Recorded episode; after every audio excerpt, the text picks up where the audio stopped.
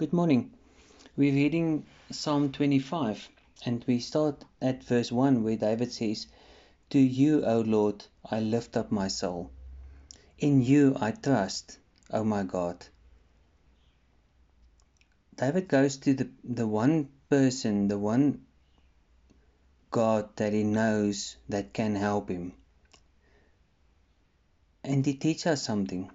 In every and all and every situation, there's only one place that you can go, and that's on your knees.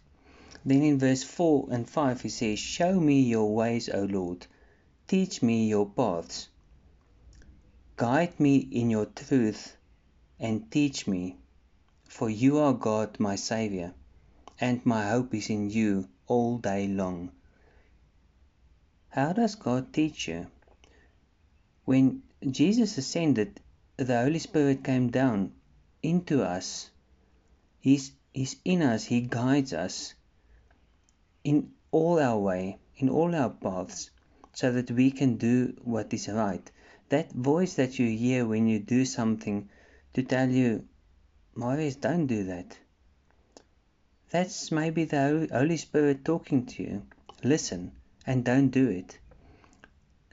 A second way is through the Bible. Read your Bible. Read your Bible regularly.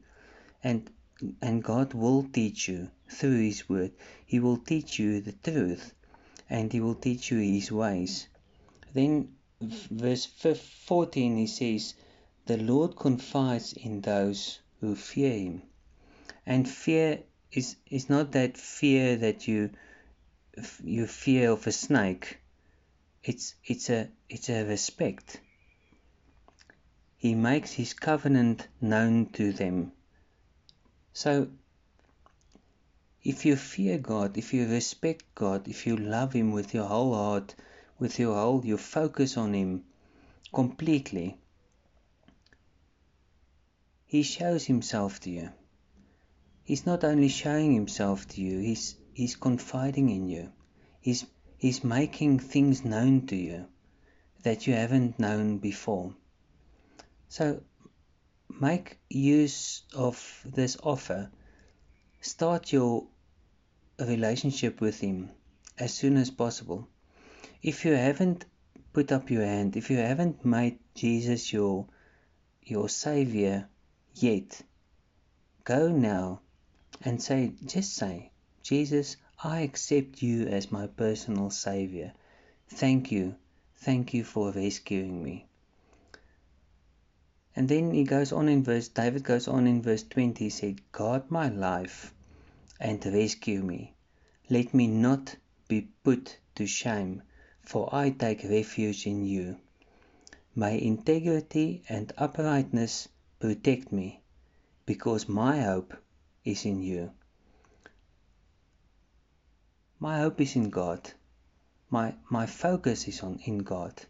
I focus on God every day, every second of the day, because I know in myself I'm not capable of doing anything.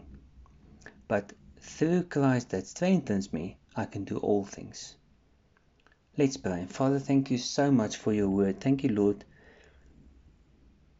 Thank you for the Holy Spirit that's in us, around us, with us. That's our companion through life. Everywhere.